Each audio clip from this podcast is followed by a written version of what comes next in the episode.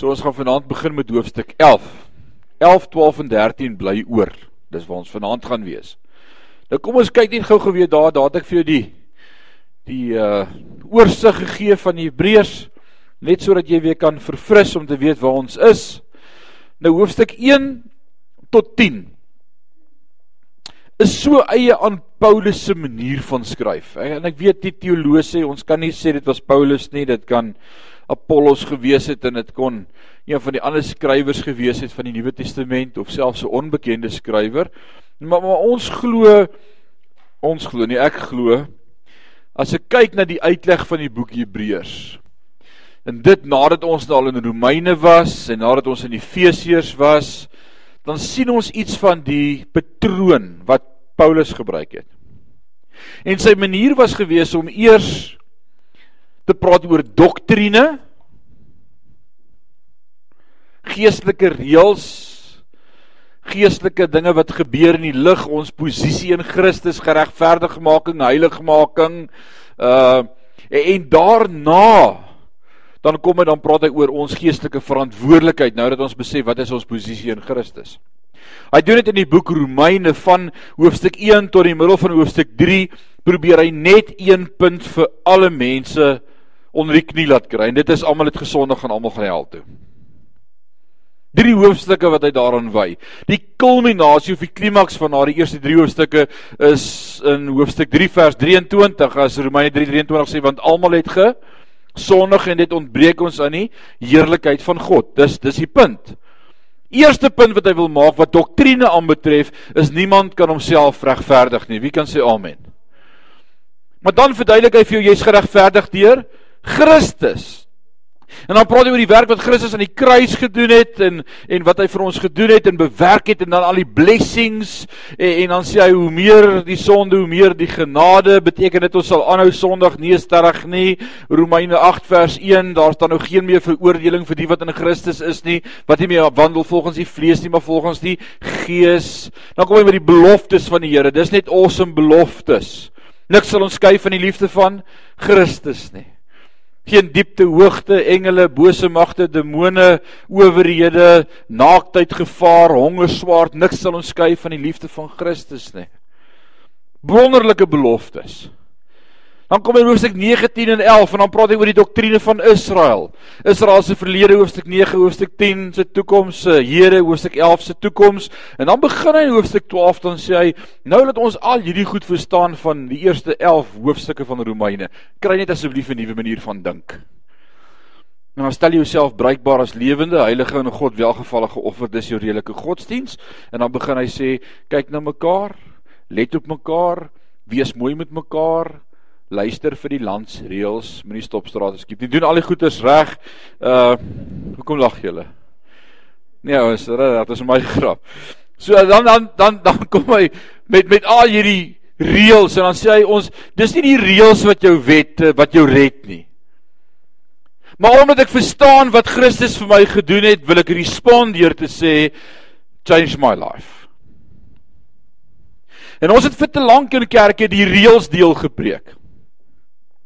Ons het vir te lank gesê Christen lyk so en hy ryk nie so nie en hy loop regop en stel nie twee stelle spore nie en hy moet so lyk en by die kerk moet jy so lyk en jy moet daarmee das aan hê en ons het al hierdie goedjies probeer doen maar jou hart het nooit verander nie. En iewers het ons hierdie laaste paar jaar gesê kom ons preek die woord soos hy geskryf staan. Ons sê eers wat het Christus vir ons gedoen? En as ons dit verstaan dan respond ons met liefde as hy sê kom aan daar's 'n ander manier van goed doen. En dis wat Hebreërs met ons kom doen het. Hebreërs het gesê en nou Hebreërs is uitsluitlik nie uitsluitlik nie, maar hy's geskryf met die hele oogmerk dat hy's geskryf vir Jode wat hulle bekeer het tot Christus en toe wil hulle weer afvallig word en weer teruggaan na die Joodse geloof toe. Hulle wil weer teruggaan na die tempel toe. Hulle wil weer gaan offer. Hulle wil weer wierook bring. Hulle wil weer die bloed sien. Hulle wil weer en dan sê die Hebreërs skrywer vir hulle jy kan nie as jy by Christus gekom het, weer terugdraai na iets anders nie. Daar is niks anders behalwe Christus nie. In die hele boek sover het gegaan oor daar's 'n in dis hoekom daar bo sal jy sien by Hebreërs 1 tot 10 vers 18 staan daar die woord instruksies. Dis dis eintlik Nie die woord instruksies is eintlik verkeerd. Dit gaan oor lering. Lering aangaande Christus, dogma. Ek dogma net ek sê dit, né? Dis daai woordjie wat maak dat kerke verskriklik verskil van mekaar. Want ons interpreteer die skrif anders. As ons net almal kon leer om die woord te lees soos wat hy geskryf staan en vra Heilige Gees maak dit vir ons oop. Alraai, so dis dogma. Maar dit was 'n amazing journey geweest deur Hebreërs. 17 weke sover waarmee ons met Hebreërs besig was aan 10 hoofstukke. En hy het gesê daar's daar's 'n beter persoon, Jesus Christus. Man, hy's beter as die engele, hy's beter as Dawid, hy's beter as Moses, hy's beter as Jesus is die persoon. Julle hou vas aan Moses, julle hou eer vir Dawid, julle respekteer die engele. Jesus hy's alles. Julle het hom gemis as die Messias. So dis die hele doel is om aan die Jode te verduidelik Christus is nie ondergeskik aan die res nie. Hy's bo. Hy's superieur. So hy's hy's hy's 'n beter persoon, die majesteit van Christus. En dan praat hy oor, julle praat van die tempels en die priesterskap op aarde, die hoëpriester, daar's probleme met hierdie stelsel. In die eerste plek, die hoëpriester doen ook sonde. In die tweede plek, hulle gaan gou dood. Maar daar's 'n beter hoëpriester, sy naam is Jesus. Hy het vir ons eenmal ingegaan om te offer, self te offer. Hy was die offer, die volmaakte offer, en hy leef vir altyd voor die Vader. Hy sit aan sy regterhand waar hy nog steeds vandag vir my en vir jou intersessie doen. Jy kan nie 'n beter hoëpriester kry as daai ene nie. Vertel hy vir hulle van die beter priesterskap. En dan kon hulle sê, "Maar ons het 'n verbond. Ons het 'n verbond met Abraham." Dan sê jy verstaan nie, daar's 'n beter verbond. Ons het 'n verbond met Jesus Christus. Hy's die seun van God. Met wie anders wil jy verbond hê behalwe met hom? En dan gaan dit oor die nuwe verbond wat ons het Hebreërs 8 vers 1 tot 13. En dan sê ons maar wat van die offer? Dan sê maar Jesus was die offer, daar's 'n beter offer die eerste offer wat eenmaal vir ons gesterf het. Van van dit ons vanmôre gesien het in Genesis 3 reeds God gesê daar sal 'n beter offer kom, my seun Jesus Christus. So die beter offer. En dan ons in Hebreërs 10 te doen gehad met 'n paar vermaaninge en dit klink vir my definitief soos Paulus, dit was sy manier gewees om te sê ek vermaan julle dan broeders by die ontferming van God. Uh Romeine 12 sê om jouself te gee as lewende heilige en God welgevallige offer, dis hierdie redelike godsdiens. In Hebreërs 10 kom hy en dan sê hy in vers 25 nadat hy 'n paar goed gesê het vroeër in die hoofstuk sê hy moenie die onderlinge byeenkomste afskeep soos wat sommige van julle gewoonte het nie, maar bemoedig mekaar en dit des te meer nou mate hierdie dag van God sien naderkom. Vers 26. Want as iemand opsetlik sondig nadat hy tot die kennis van die waarheid gekom het, bly daar vir daardie persoon geen offer meer oor nie. Hy het 'n paar dinge vir ons gesê in hoofstuk 10. En dan word ons vermaan en dan sê ons maar wat is hierdie vermaaning? Dan wil ek sê dis 'n vriendelike waarskuwing. Wat sê hy vir hulle? As julle verstaan het wat Christus vir julle gedoen het, dan gaan jy nie net al met jou lewe asof niks gebeur het nie. Jy gee ag. Jou lewe verander. Goed kry vir jou waarde. Kerk raak vir jou belangrik. Onderlinge byeenkomste raak kosbaar. Hoekom het jy vanaand hiernatoe gekom? Nou, hier's lekker koffie. Right. Ek hoop nie dit was die rede nie. Aties jy die koekies? As die, as die, as die, as die koekies nou ophou en die koffie ophou, gaan Johan en Attie gaan julle nog kom? Maar maar hoekom kom jy? Dan Elsie, hoekom kom jy? Wat wat wat ontvang jy? Wat wat stap jy mee uit en sê, "Mm. 'n beter perspektief, ek word gestig, ek word gebless. Ek ontdek die woord, God praat met my." Het jy verwagting dat God vanaand vir jou iets gaan sê of met jou gaan praat? Dit sal terrible wees as jy gekom het en jy het nie verwagting dat die Here vir jou iets wil sê nie. Dan ek verskoon jou, dan kan jy gaan. Maar dan daar moet geloof in jou hart wees, daar moet 'n verwagting wees. So dis wat hy vir hulle probeer sê is nou dat jy besef wat die Here alles vir julle gedoen het, dan is daar verwagting in jou hart wat sê, "Wow, hy wil met my praat." Maar ek kan net die uitstap en leef soos ek wil toe ek in die wêreld was nie, daar's 'n verantwoordelikheid op my. Is dit nou my werke wat my red? Is dit hoekom ek nou moet regoploop as ek hier uitstap? Nee. Maar oor alles wat hy vir my gedoen het, wil ek myself gee en sê vat my Neem my lewe, laat dit Heer U gewy wees meer en meer. Dis heiligmaking. Dis my respons. Heiligmaking is die manier hoe ek reageer. Respond bly vir my die mooiste woord. Nou, reageer klink so but respond. Wat is 'n mooier Afrikaanse woord vir die woord respond? Respondeer. Hoe sê jy? Resultate, wat het jy gesê hierdie kan daar uitreik? Uh, uh, nee, daar daar moet 'n ander woord wees man. Julle lees te min woordeboeke. Julle moet meer woordeboek lees. Reageer. My my respons kan reageer wees, my my optrede, my reaksie. Want enige aksie het 'n reaksie, né? Nee, wat wat gebeur? What follows my response? Dat dis 'n realiteit. Ek moet realiseer wat wat gebeur in my lewe. Nou dat ek verstaan wat Christus vir my gedoen het en die ongelooflike werk hy vir my volbring het aan die kruis en my posisie in Christus dat daar nie 'n beter hoëpriester is nie, daar was nie 'n beter offer nie. Daar's niemand anders met wie ek my lewe wil vertrou nie. Wil ek respond, ek wil reageer. Ek wil sê, oh, "Vat my. Verander my. Dis oukei." Okay. Baie ouens sê ek is so gemaak en so gelaat staan.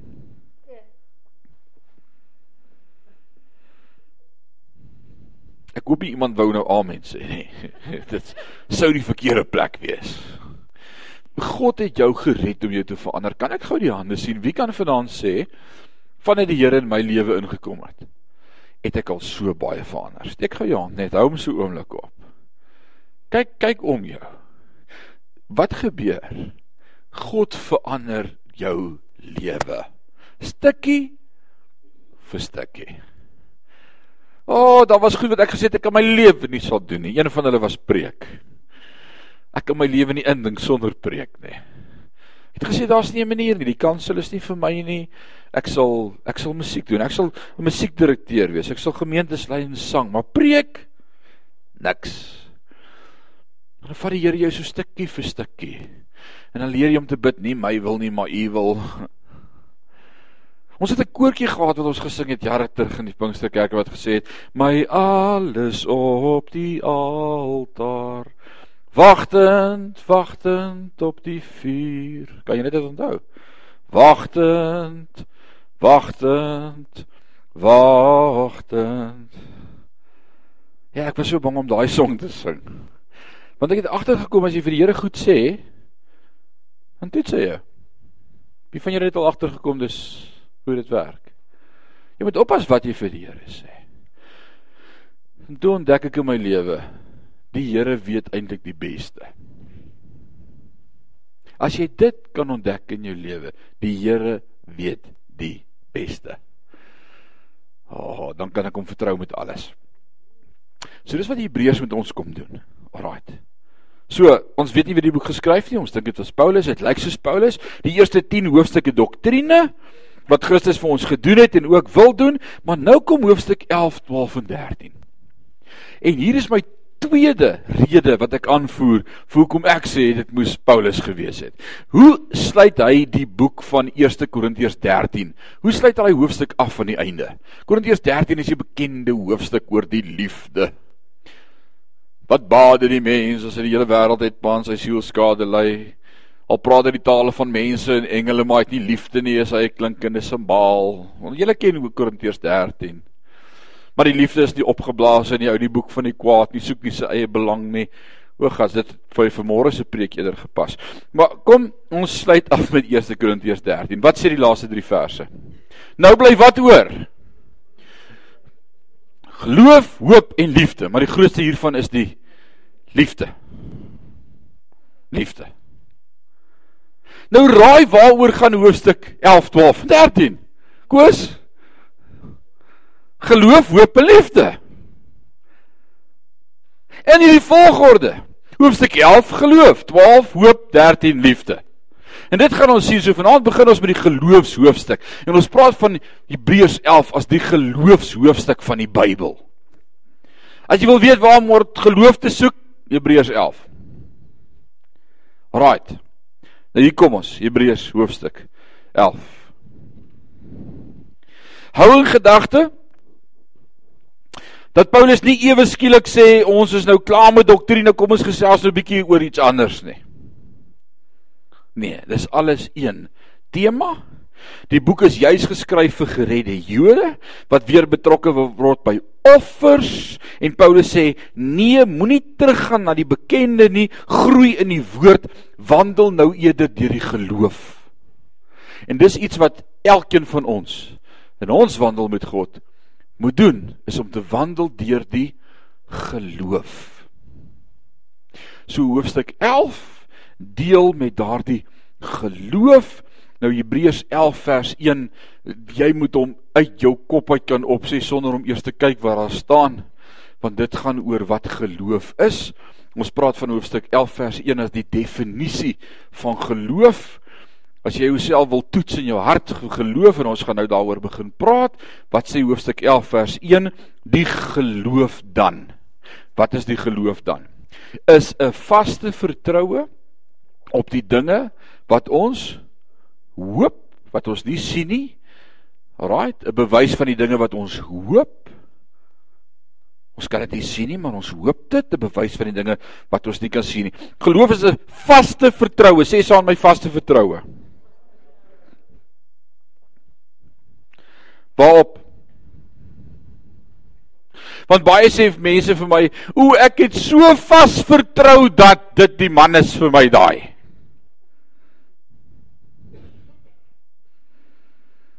Ek het so vas vertrou dat dit my huis gaan wees en toe val ek koop deur die mat.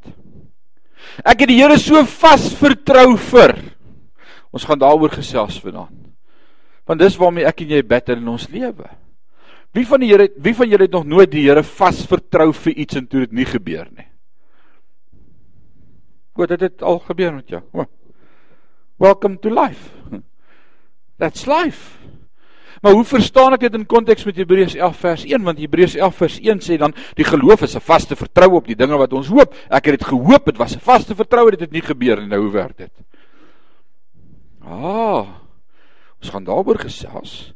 Die geloof dan is 'n vaste vertroue op die dinge wat ons hoop, 'n bewys van die dinge wat ons nie sien nie. Die woord sê vroeër vir ons, hy sê geloof kom deur die Hoekom geloof? Wat is die volgorde van hoe geloof kom? Geloof kom deur die gehoor en gehoor deur die woord van God. Alraait. Ek kan nie glo as ek nie hoor nie. En as daar nie woord is nie, is daar niks om te hoor nie. So wat moet ek hoor vir my om te kan glo? Die woord. Die woord wek geloof in my en jou hart op. And that's the good news. It's not good views. It's good news. Dit wek geloof by my. Daarom moet ek en jy getuig oor ons lewe en oor dit wat die Here met ons doen, want wie sal glo as niemand preek nie? Wie sal glo as niemand getuig nie? As niemand share nie? Hoe sal die ouens wat saam met jou werk of om jou is, hoe sal hulle ooit geloof in hulle harte kan kry as jy nie met hulle die woord deel nie? Deel die woord. Dis waaroor die lewe gaan. Wat doen ons by ons oggenddienste? Wat doen ons vanaand? Ons deel die woord. Jy kry geloof, jy groei in jou verhouding met die Here. Geloof kom deur die gehoor en die gehoor kom deur die woord van God. Elkeen van ons het 'n mate van geloof. Dalk is jy iemand hier wat vanaand sê ek weet nie, ek ek glo daarom nie. Ek het nie geloof nie. Ek wil vir jou sê jy het 'n mate van geloof. Elkeen het 'n mate van geloof. Jy glo. Toe jy op daai bank gaan sit het vanaand, het jy geglo hy gaan jou hou. Jy het geglo hy so ontwerp dat hy behoort reg op te bly as ek op hom gaan sit. Jy het nie eers gaan kyk en voel en ruk en die kind daar laat sit en toe jy gaan sit. Jy het geloof gehad. Ek gaan ek gaan sit. En baie keer is ons praktischer met praktiese dinge en ons makliker vir ons om oor praktiese te goed te glo, ons sukkel as dit kom by God. En dis juist waaroor hierdie skrywer in hierdie konteks dit so sit, want elkeen van ons het 'n mate van geloof. Romeine 12 vers 3 sê aan elkeen is gegee 'n mate van geloof. Jy het 'n mate van geloof. Maar wie weet jy kan jou geloof laat groei?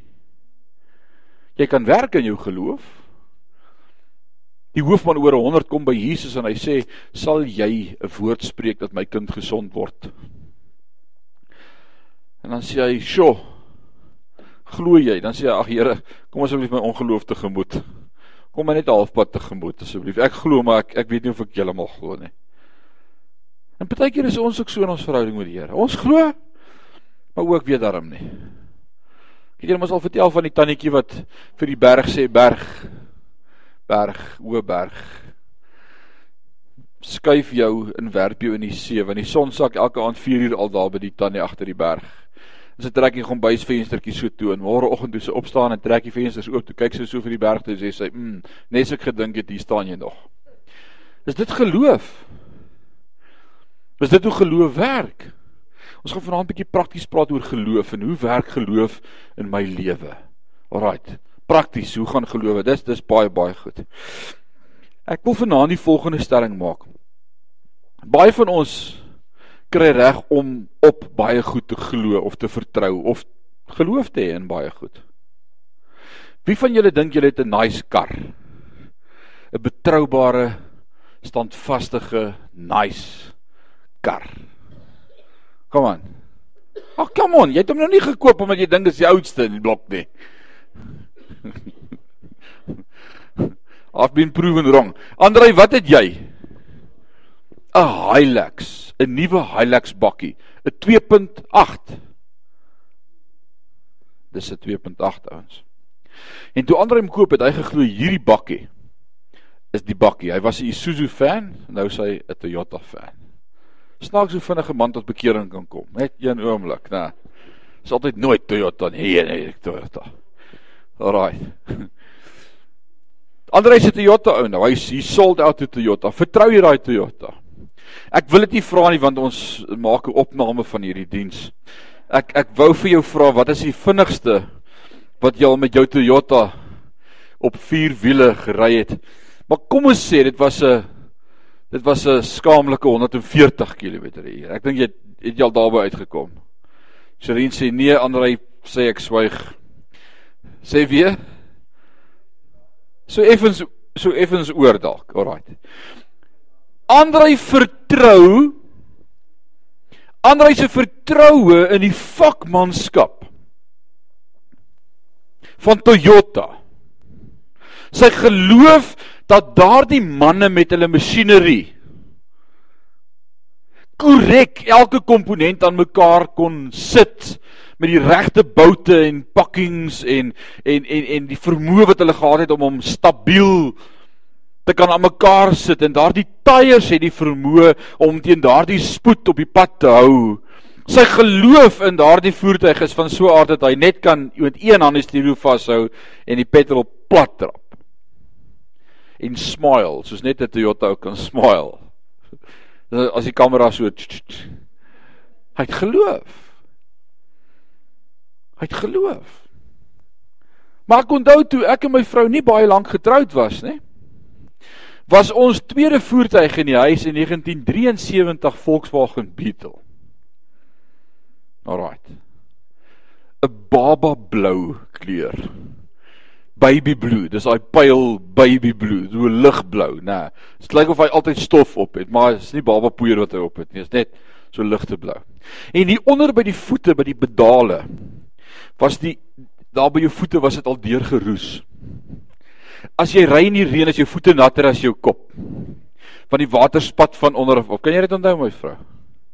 En met daai karretjie het jy nie vinniger gery as 60 nie. Ek het geen geloof gehad vir vinniger as 60 nie.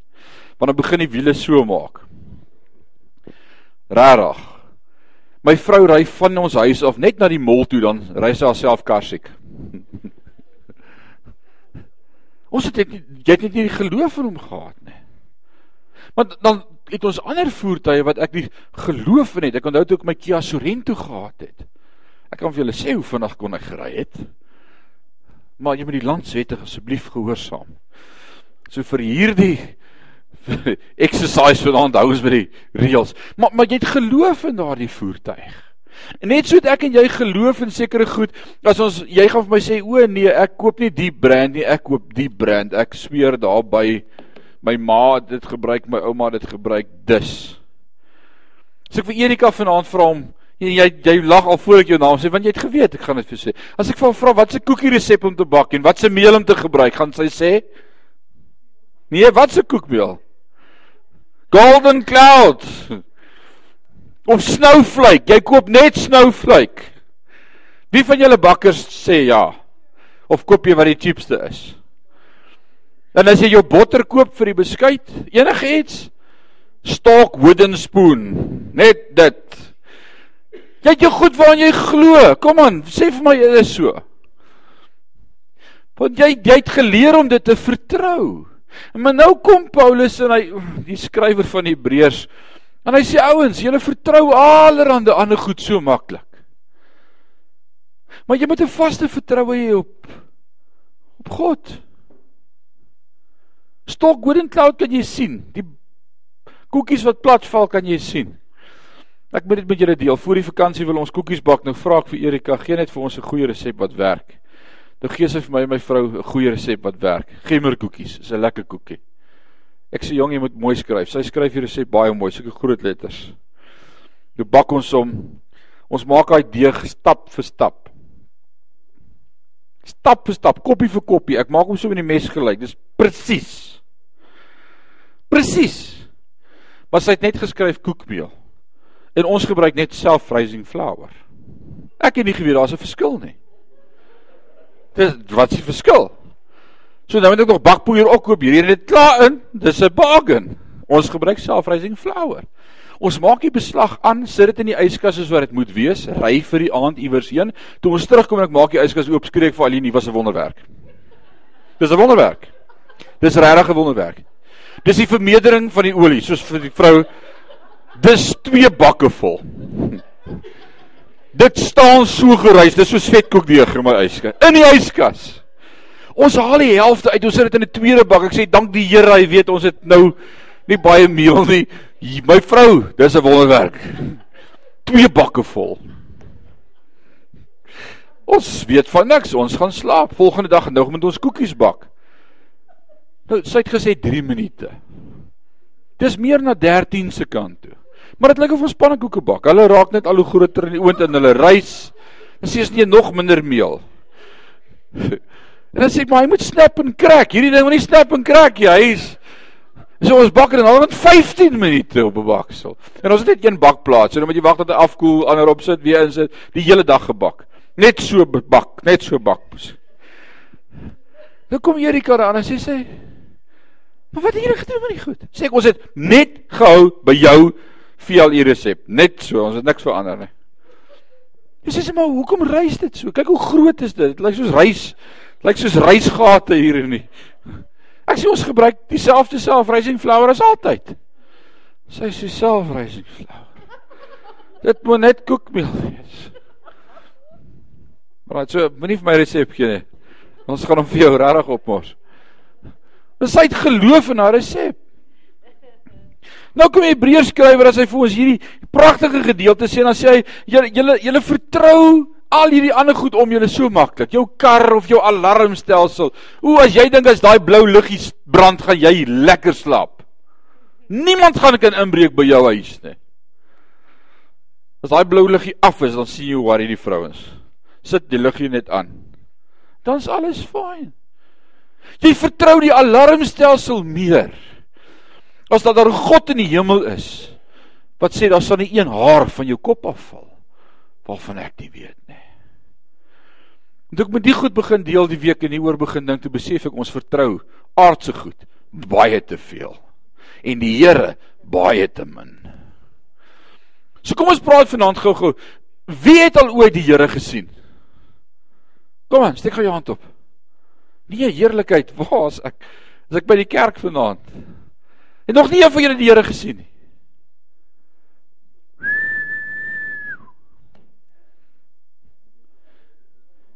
Nog nie een van ons het hom gesien nie. Nou kyk gou-gou weer wat sê Hebreërs 11 vers 1. Hy sê die geloof dan is 'n vaste vertroue op die dinge wat ons hoop. Nou sê gou vir my op wie is jou hoop?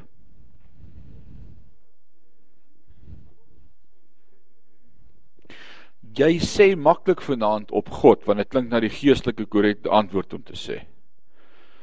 Maar jou geloof is in so baie ander goed as God. Jou geloof is in die pilletjie wat jy drink om in die slaap te raak vanaand. Jou geloof is in die dokter.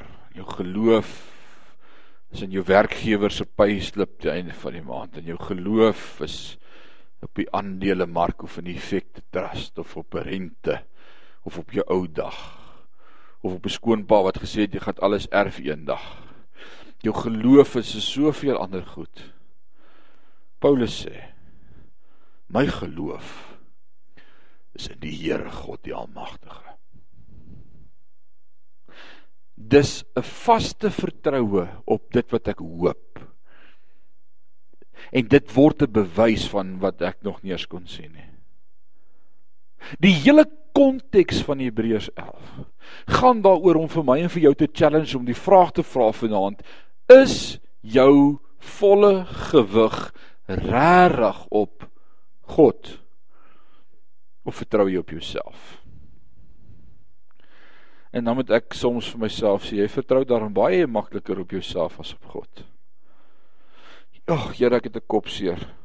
So kyk, ek wil nie plan hier is disprins voor die bedkassie dat ek net 'n disprin kry. Nou raak dit baie stil hier vanaand. O, oh, ek is in 'n finansiële krisis. Here, jy's besig, ek gaan gou 'n plan maak, moenie worry nie. Ons bely en ons sê ons hande en ons lewe is in die hande van die Here. Wie sê so? Sê amen. Ons lewe is in die hande van die Here. Maar ons reël ons eie lewe. Ons besluit self. Ons doen ons dinge. Die woord sê ken hom in al jou weë en hy sal jou paaie gelyk maak. Jakobus sê dit so mooi. Hy sê julle sê môre gaan ek hierheen reis en môre gaan ek dit doen en môre gaan ek daar. Julle julle dwaas, julle weet nie eers wat gaan môre gebeur nie. Eerder sê julle as die Here wil gaan ek môre dit doen of daai doen. Wat sê Jakobus vir ons? Hy sê jy maak nie God deel van jou beplanning nie. Dan wie is jou geloof? Ons vertrou op onsself. Ons vertrou op onsself. Maar sy geloof en ek wil sê geloof is in die Vader. Geloof is dat God die beste weet. Geloof is dat God in beheer is, dat ek nie op myself vertrou nie, maar op God vertrou. Maar sê is 'n vaste vertroue op die dinge wat ons hoop. Op wie hoop jy? Ek onthou vroeër jaar het met pa een een aand in 'n preek gesê, America has got Bob Hope. Onthou jy het jy vir Bob Hope geken? Ja. Wie wie kan Bob Hope onthou? Die ouer garde, oor 60, hulle sê ja, ons onthou. En dis sê iemand anders, but we have no hope. Nee, ons het Jesus Christus. Hy's die verskil in ons lewe, 'n vaste vertroue op die dinge wat ons hoop. En dis die sleutel. Nie op die stelsel nie. Kom ons kom net gou terug by konteks. Sien saam met my konteks. Hebreërs. Alraait. Jode teruggaan in die stelsel. Hulle wil eerder weer gaan vertrou op 'n ou kalfie of 'n besie of 'n bokkie of 'n duif op die priester se gesjoes sjoes sjoes om die bloed te vat daar allerheiligste toe aan die reukoffer wat daar binne in die heilige brand hulle vertrou die stelsel godsdienstig baie meer as om net hulle hande in die hand van die Here te sit en sê ok my geloof is in u they trust the system more than they trust god En ek wil sê vandag in Suid-Afrika, is vertrou baie mense die stelsel meer as wat hulle God vertrou. Want as jy met hom begin praat oor God, dan sê hy vir jou ek het my Kerk. En 'n kerk gaan jou nie red nie. Sion gaan jou nie red nie. Sion kan jou nie red nie. Maar ons kan jou help om by Jesus Christus uit te kom en hy red jou. Hy red. Baie baie Sion lidmate gaan reguit hel toe, hoor. Ek stuur hulle nie. Want dit is moontlik om aan 'n gemeente te behoort en nog steeds nie verhouding met God te hê nie. So moenie dat lidmaatskap jou sis en vir jou sê jy's okay. Oef, my naam is daarop op die adreslys nie. Is jou naam geskryf in die boek van die lewe? Dis die vraag. Het jy verhouding met Jesus Christus? Dis die vraag. Right. Nou begin hy praat oor die ou mense. En en dis 'n awesome hoofstuk hoofstuk 2. Hy begin vir ons geloofshelde mee praat. Vers 2 sê wat daardeur want daardeur het die ou mense van die ou tyd getuienis ontvang. En dan begin nou praat oor hulle geloof en in wie was hulle geloof gewees? God. Hy gaan praat oor Noag. God kom by Noag en hy sê vir Noag: "Noag, bou 'n ark." Wat sê Noag? Ek gaan 'n ark bou. Op u woord sal ek 'n ark bou. Geloof. Hy gaan oor tot aksie. Nou sê saam my geloof gaan oor tot aksie. Okay, sê dit nou weer. Geloof gaan oor tot aksie. Ek kan nie sê ek glo as ek nie reageer nie.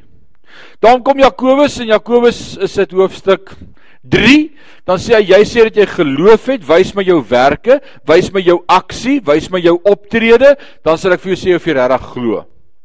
Want as 'n ou sê hy glo, dan is daar 'n aksie. En dis presies waaroor hoofstuk 11, 12 en 13 van Hebreërs gaan, oor ons aksie. Jy kan nie net sê jy glo en jy lewe net nog steeds voort soos wanneer jy sonder Christus was nie. Jy kan nie sê Christus is alles in my lewe en ek glo in hom en jy stap hier uit en jou lewe is maar net nog dieselfde as voordat jy by die kruis kom kniel het nie. Kan nie. Dan lieg jy. Dan lieg jy. Want as God in jou lewe inkom en jy verstaan wat hy vir jou gedoen het aan die kruis, dan wil ek respond deur te sê change my heart, oh God, make it ever true. Toe was jou geloof. Nou kom hy en raai wie's heel bo aan hierdie lys van ouens wat hy gaan noem. Wie sê julle wie's bo aan die lys? Abraham, wat sê julle nog? Abel, wat sê julle nog? Kain en Abel? Josef? Wie dink julle is bo aan hierdie geloofslys? Nog nie een is reg nie. Henog? Nee, daar's nog iemand hoor as Henog waarmee hy eers gaan deel. Nos! Ons! Voordat hy kom by Henog en by Kain en Abel en by Noag en by Abraham en Dawid, voordat hy oor al hierdie geloofshelde praat, praat hy met ons. Heel eerste. Heel eerste, hoor wat sê hy in vers 3: Deur die geloof verstaan ons dat die wêreld deur die woord van God toeberei is. Sodat die dinge wat gesien word nie ontstaan het uit sienlike dinge nie. Nou wie glo vanaand saam met my dat God alles geskep het uit niks uit nê? Hy praat oor jou. Koenie, jy kan jou naam daar gaan inskryf Hebreërs 11 vers 3. Van die geloofshelde praat God vanaand oor my. En wat sê hy maak my 'n geloofsheld wat hy heel eerste noem? Die ou wat glo dat God alles gemaak het. Jou geloof bepaal vanaand of jou naam daarin kom of nie. Dis of jou geloof of jou verstand.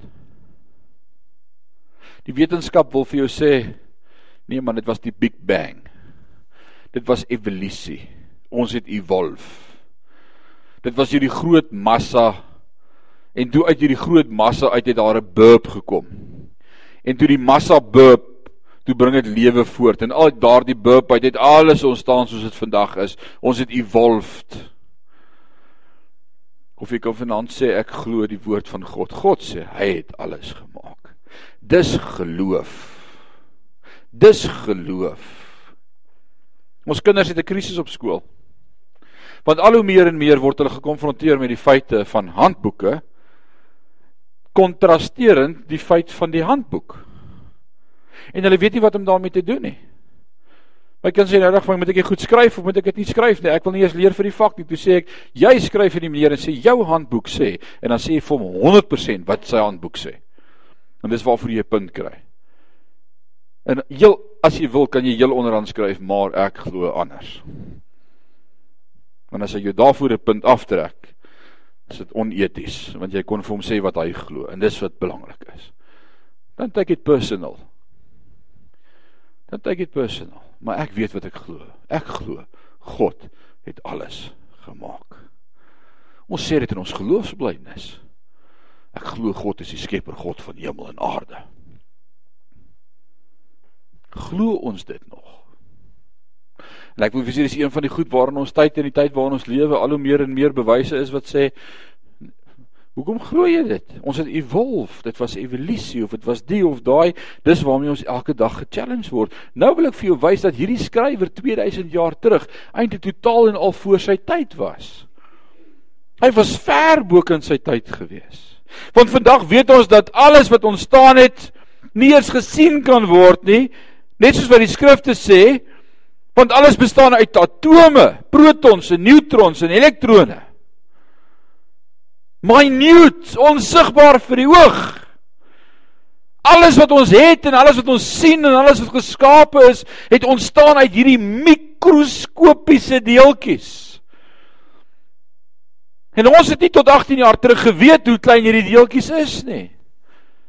Maar nou kry ons allerlei goed soos elektron mikroskope wat dat daardie elektrone kan kyk.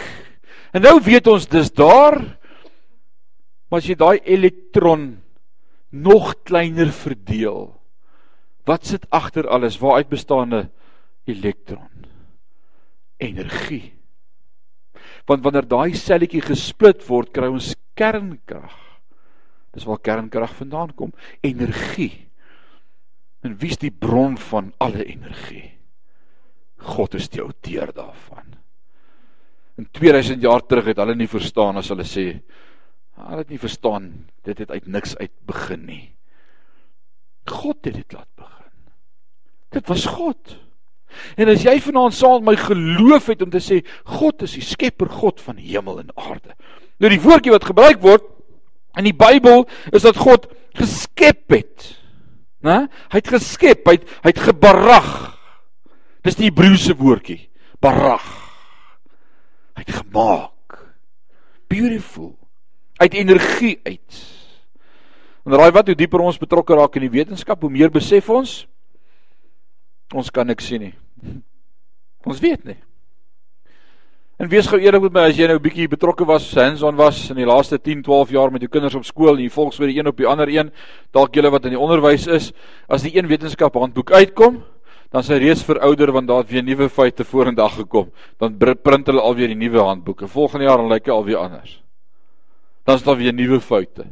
Dan sê hulle nee, dit daai was verkeerd. Ons het nou onthou ons die feite. Ouens, die wetenskap gaan nooit weet nie. Hulle is clueless. Want God het dit gemaak. Nuwe foute. Daar's hy. Dis nie nuwe feite nie, dis nuwe foute. Alraait. God het alles gemaak. Selfs dit wat nie eens gesien kan word nie, het God geskep. Nou kom hy by vers vers 4. En hy sê deur die geloof, deur die geloof. Nou, as ons vir mekaar sê deur die geloof, dan moet ons die hele vers 1 elke keer onthou as ons praat oor geloof. Elke vers wat ons van nou af gaan lees en ons sê deur die geloof, dan sê ons deur die geloof, met ander woorde deur die vaste vertroue op die onsigbare dinge asof dit reeds daar was. Dis wat ons vir mekaar sê. So deur die vaste vertroue van die onsigbare dinge asof dit reeds daar was, het Abel 'n beter offer aan God gebring as Kain. Deur die vaste vertroue op die dinge wat Abel gehoop het asof dit reeds daar was, het hy 'n beter offer gebring as sy broer Kain. Sien skielik begin ek die Bybel nou anders te lees. Want wat beteken dit vir my vanaand as ek sê deur Abel se vaste vertroue op die dinge wat hy gehoop het, 'n bewys van die dinge wat hy nog nie gesien het nie, het hy 'n beter offer gebring as sy broer. Wat was die verskil gewees tussen die offers? Kain het glad nie geloof by sy offer gesit nie. Dit was net vorm godsdiens. Hy het dit gedoen want hy moes dit doen. Abel het gesê hierdie bokkie wat ek geslag het met my eie hande en hierdie dooie ding bring hom voor u neer te lê. Ek hoop en ek het geloof dat dit wat ek nog nie sien nie gaan gebeur. Iewerster gaan daar in die toekoms 'n offer wees wat gaan kom betaal vir my sonde sodat ek weer met God herenig kan word. Want my ma en my pa vertel wat in die tuin gebeur het en hoe dit was voor die sondeval. En ek weet, iets vir my ma en pa bokkie kom slag om hulle te klee met rokke. Here, in die geloof bring ek hierdie offer dat u eendag die offer sal bring vir my. Hier's my offer. Nabel dan gaan hy 'n paar vrot mielies afgepluk en perskes opgetel. Paar truks vye in 'n mandjie gooi kaien wat soek jy nou in al ons tyd. En toe en toe bring hy sy mandjie vrugte en hy sit daar neer en sê: "De, mis my offer." Maar daar was nie geloof nie. Daar was nie geloof nie. Geloof is 'n vaste vertroue op die dinge wat ons hoop, 'n bewys van die dinge wat ons nie sien nie. Abel het sy bokkie gebring met die vaste vertroue op die dinge wat hy gehoop het, 'n bewys van die dinge wat hy nie gesien het nie. Eendag sal Christus ook vir my die offer wees. Hier's my bokkie. En Kain, hy was te gesofistikeerd om sy hande vuil te maak met 'n offer. En hy het dit daar neergesit. Maar hy was nie te gesofistikeerd om sy broer dood te maak nie. En dis wat gebeur wanneer daar nie geloof in jou hart is nie, dan kyk jy vir alles om jou, want dit gaan oor die mense, want dis waar jou geloof is. Oor jouself. En dis waarom jy die oggenddienste nou reël, oor jouself, die eie ek voor die sondeval. Alraight. Wow. Abel het geloof gehad in God vir 'n offer. Dis beautiful. Vers 5. Deur die geloof is Henog weggeneem om die dood nie te sien nie. Henog het geloof gehad. Hy het soveel geloof gehad in God dat God tot vir hom toegelaat het om die dinge wat hy geglo het wat hy nie gesien het nie te sien. God. Wat was die dinge waarna hy geloof gehad het wat hy nie gesien het nie? Wat hy toe gesien het. God. God het met hom kom wandel en kom praat. En toe hou hulle aanloop. Uh, imagine, dink jy van die eerste dag af wat jy nog gebid het, het God daar gewees? Lees jy enige plek na die tuin en na die sondeval en na Adam en Eva dat God nog steeds elke aand in die aand windjie kom wandel het en met hulle kom praat het? Kom Tom? Nee, dit was God se plan voor die sondeval. Maar na die sondeval was daar skeiding tussen my en God. En Henog het by sy oom en by sy oupa en by sy oupa grootjie en oupa oupa grootjie en grootoupa die storie gehoor van hoe Adam en Eva met God gepraat het in die aande. En hy het gesê ek glo dat ek ook so met God gaan praat in my lewe. So aangesien ek dit glo, gaan ek solank begin oefen. En elke aand as dit donker raak en dit raak skemer, dan begin jy nog stap. Dan sê sy maar van waar gaan jy? Sê ek nou nou terug. Ek oefen. Want ek het geloof in my hart dat God gaan opdaag. As hy dit met Adam en Eva kon doen, kan hy dit met my ook doen. Sst. Maar God het al vir 300 jaar nie meer vir verskyn in ons nie. Ek glo hy gaan met my kom praat. Gaan julle almal verkeerd bewys. En so het hy begin oefen. Dan stap hy in die aande en ek dink hy begin praat. Ek dink dit moet baie weird gewees het om met God te praat wat jy nie ken nie. Almal van ons weet hoe dit voel. Jy bid elke dag. Imagine vir jou nog, dis voor die kruis. Daar was nog nie 'n kruis nie. Daar was nog nie vergifnis van sonde nie. Daar was nog nie 'n offer nie. Maar op die getuienis van Adam en Eva het hy gereageer. Gesê ek wil dit ook hê. Ek glo in die een wat ek nie sien nie. 'n Bewys van die dinge wat ek hoop. Nou gaan ek oor in aksie. Ons het gesê geloof vereise reaksie. Nou begin hy reageer en dan stap hy. Here, ek weet jy's daar bo. Ek het al die stories gehoor van hoe jy met my familie in die tuin kom stap het in die aande. Ek begeer dat ek ook so met u kan praat. O, sal dit nie awesome wees as u net eendag opdaag en saam met my praat nie. Ek weet u is hier. Ek weet sonde het skeiding gebring tussen ons en u en dit is terrible en ek onthou toe my oupa grootjie my vertel toe Adam se seun die ander seun sommer doodgemaak omdat daar nie geloof in sy hart was nie. Here, maar ek glo. Ek glo. Ek glo in u. Ek glo in u. Ek glo het 'n plan. Daar's geloof in my hart. En so het hy met God geloop en praat in die aande en een aand. Een aand. Out of the blue. Toe raak hy bewus van die teenwoordigheid van God. En God verskyn aan hom. Dink jy jy nog het geskrik? He was expecting it. He was prepared for it. He was focused for it. Dit was nie as ah, daar is stil ek gaan my ma roep nie. Dis is nou wys. Ek het hierdie dag gesien kom vir baie lank. Ek kon nie wag nie. Here, kom ons stap en hulle het gestap en hulle het gepraat. En die Here het sy hart uitgepraat en nog gepraat. En dan sê die Bybel dit so mooi. Een seentjie vertel vir sy ma wat hy by die sonnaskool geleer het. Hy sê dit hulle so ver geloop dat toe hulle op die einde kom, toe sê die Jesus vir jou nog Ag nou maar kom sommer saam met my, dan gaan ons hemel toe. Ons het nou so ver geloop. It's amazing. En dis waarvan die skrywer ons nou hier vertel. Hier nog het 'n geloof gehad. 'n Geloof gaan oor tot aksie. En nou word hy ingeskryf naas ons wat glo in die skepping, is die eerste een waarna die skrywer verwys en hy sê hier nog. He prepared himself every night. Jy sê jy het geloof. Hoe gereeld berei jy jouself voor om met God 'n ontmoeting te hê? Daar's 'n begeerte in jou hart wat sê o, God moet met my ontmoet. Come on. Daar's 'n begeerte in jou hart wat sê o, ek wil met God ontmoet. Hoe gereeld berei jy jouself voor om te sê ek glo u gaan eendag opdaag terwyl ek op u wag? Ons sê ons glo.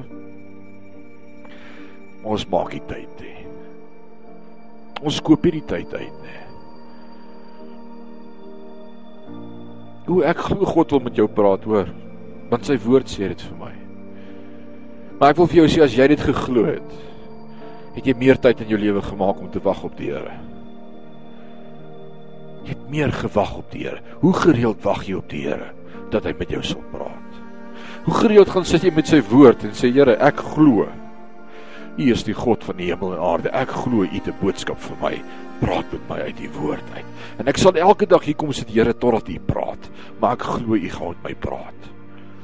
Ag nee, wat ek het eendag probeer stilte tyd hou en dit het so geblaai en ek het niks gekry nie. Dit gaan net oor Israel en oor ballingskap en alles. Die Here wil nie met my praat nie.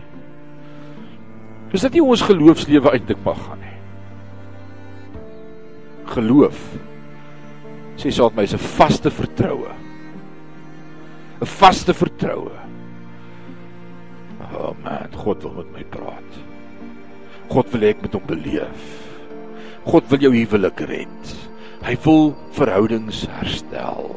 God wil ek glo dit met my lewe.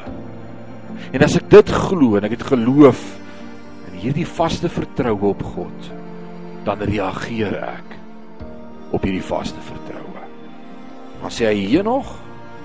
Hierdie geloof is hier nog weggeneem om die dood nie te sien nie.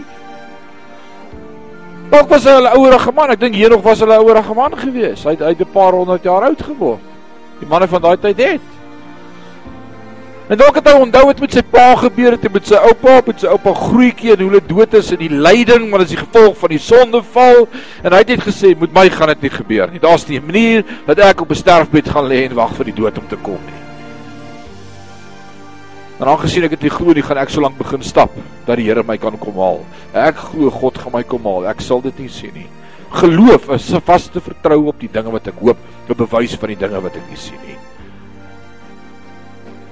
En God het hom kom haal en hy sê hy die dood nie gesien nie. Wow. Soveel geloof. Soveel geloof.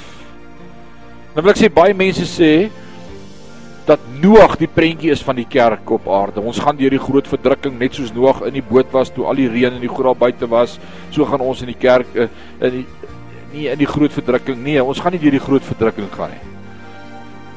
Die groot verdrukking met Noag is 'n prentjie van die Jode in die 70ste week van Daniël, Daniël hoofstuk 11. Gaan lees dit. Hulle gaan deur die groot verdrukking gaan God hulle bewaar.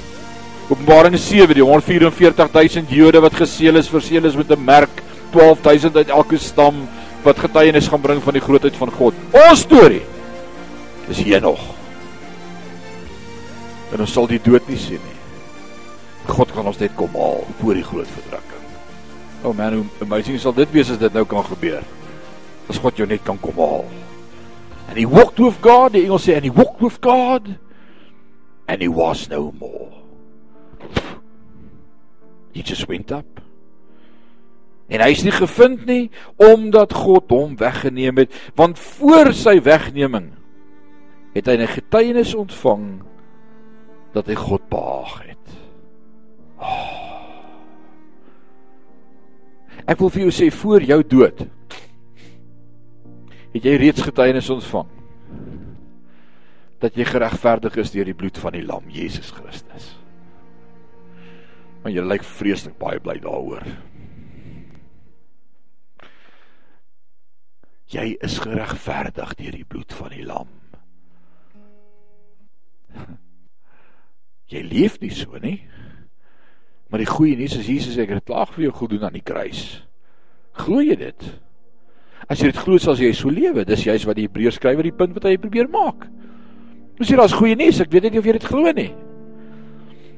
Elke keer as iemand vir Jesus vra om 'n wonderwerk te doen, dan was sy antwoord gewees aan daardie persoon: "Laat dit vir wees volgens jou geloof." Laat dit wees soos jy glo. Wat jy glo, sal dit so wees. Dan moet ek vanaand net eers iets net hier ek ek moet dit hier en sonder geloof vers 6. Dis belangrik om te verstaan vanaand. En sonder geloof is dit onmoontlik om God te behaag.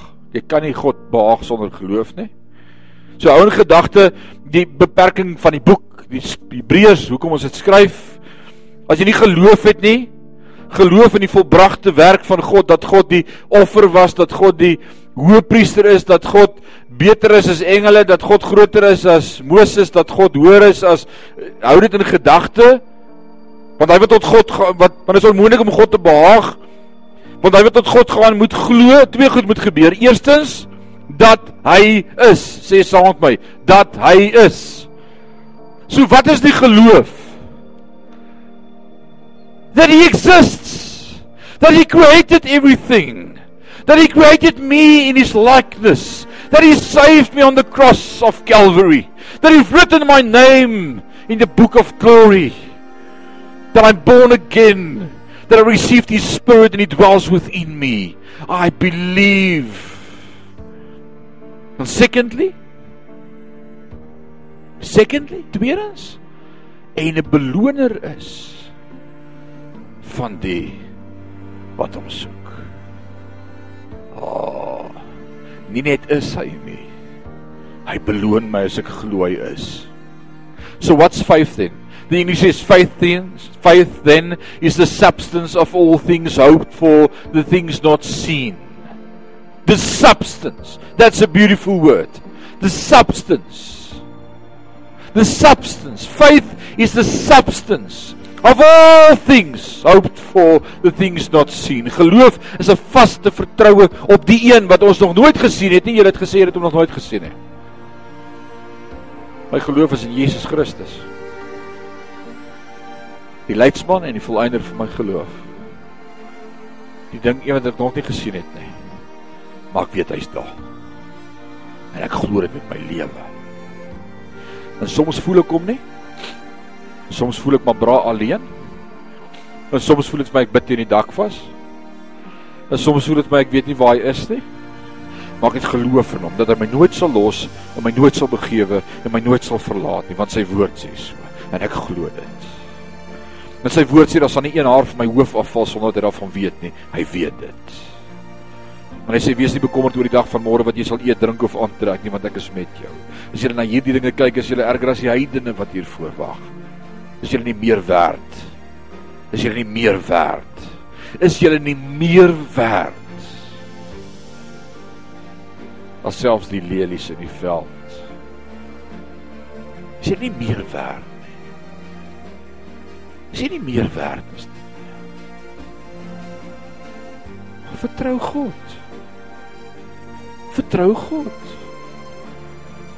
Hou op soveel hoop sit in alarmstelsels en karre en huise en hekke en palisades. Hulle gaan jou net meer verbaas hoe hulle daaroor gekom het. Ek beloof jou. Gaan net meer verbaas want Dawid sê al val daar 1000 aan my linkerhand en 10000 aan my regterhand die Here is my God en dit sal na my toe kom hè want God is vir my en as hy vir my is wie kan teen my wees? My vertroue is in God. En ek wil sê Suid-Afrika ek het meer hoop vir hierdie land want God is in beheer bring dit aan Ek het meer hoop vir ons volk want God is in beheer. En al is dit net ten minste omdat ek hier is dat die Here julle ook sal red. Dis alright. Just stick to me. Alright. Just stick to me. Kan julle Abraham se neefie onthou, Lot? Die Here was bereid om net oor Lot die hele stad te spaar. Hoeveel te meer sal dit vir ons as kinders van God? Parys spaar of 'n dorp spaar of 'n provinsie spaar of 'n land spaar want ek is hier en ek is nou maar eenmal die geseëne van die Here. Come on. Moenie laat politiek jou insluk in negativiteit nie. So die vraag vanaand is wat bely jy? Is God vir jou genoeg? Is God vir jou genoeg? Nou wil ek sê ons moet oppas, daar's soveel teologie wat rondgaan en en soveel goed wat geleer word oor positiewe belydenis en positief praat en lewe spreek. O, jy moet net lewe spreek. Jy moet nie sê jy is doodmoeg nie, dan gaan jy doodgaan. Jy moet sê ek voel fantasties. Jy sê ek voel wonderlik. Ek voel 20. Jy sê ek is gesond. Sê ek, ek dit gaan net altyd met my goed en great. Kom aan, ons weet almal waarvan praat ons. Ons praat van die super Pinkster beweging. Alles gaan net awesome. Jy moet net praat. Sê net ek sien die Mercedes in die driveway. Hy gaan kom. Name it and claim it. Roep hom. Roep die dinge wat nie bestaan nie. Roep dit in. Jy vergeet daai Mercedes kom met 'n paaiement, broer. Jy het nie die paaiement om hom te betaal nie. Maar jy roep die Mercedes. Ek wil niks sê wat God nie vir my wil gee nie. Hy leer my bid en hy sê vir my laat u wil geskied. Laat u koninkryk kom. En ek wil vir jou sê iewers in my hart is daar iets wat getoets word en dit is glo jy dat God die beste vir jou weet of wil jy God speel oor jou lewe? Ek wil nie God speel oor my lewe nie. Ek wil nie vir God sê wat ek dink ek nodig het nie want ek maak droog. Ek maak droog. Maar ek wil soek wat God vir my soek.